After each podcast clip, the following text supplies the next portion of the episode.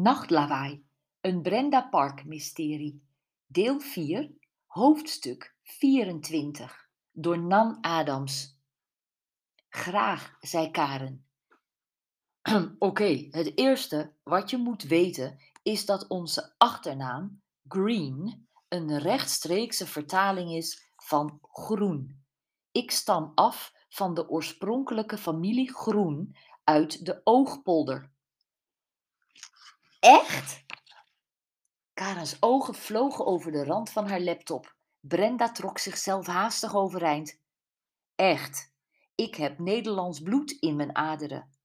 Oh, wauw! Verrast dook Karen dichter op haar beeldscherm. Ja, dat is een verrassing, hè? Ik wilde al van de zomer naar Nederland komen en het je persoonlijk vertellen, maar dat ging natuurlijk niet door. Jackie bemoeit zich met de organisatorische kant van het landgoed en ik heb de kadastrale en financiële afwikkeling gedaan. En nu komt het meest belangrijke.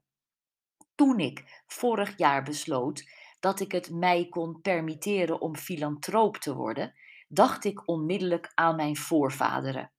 Hier in mijn kantoor hangt een schilderij van Kniesland Staten uit 1653.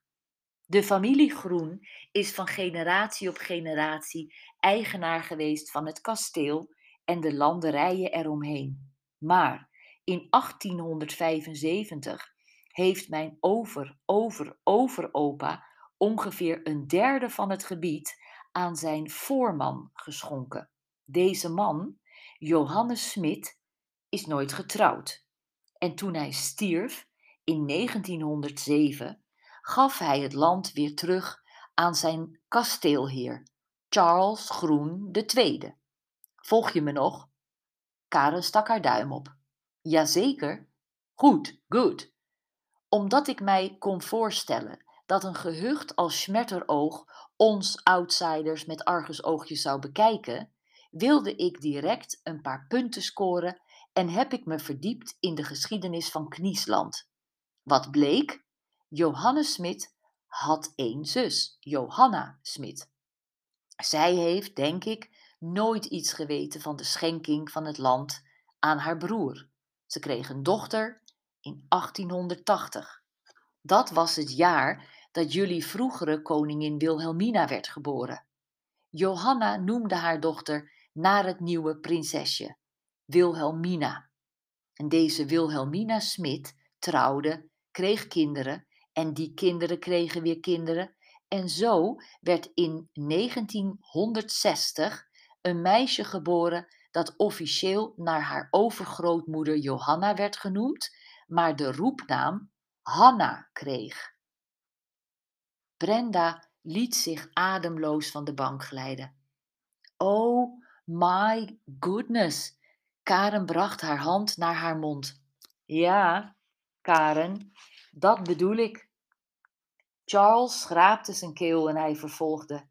Hanna trouwde in 1983 met, nou, wie denk je? Maarten, de fotograaf. Er kwamen geen kinderen.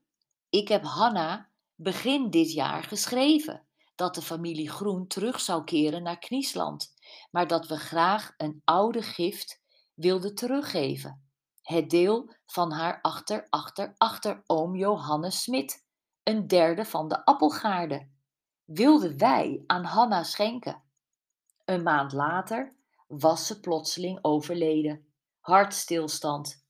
Acht maanden later, eergisteren, overlijdt haar echtgenoot. Het lijkt ook een hartstilstand.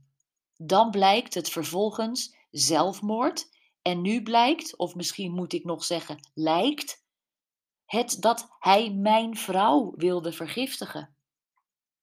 Charles Green was even stil.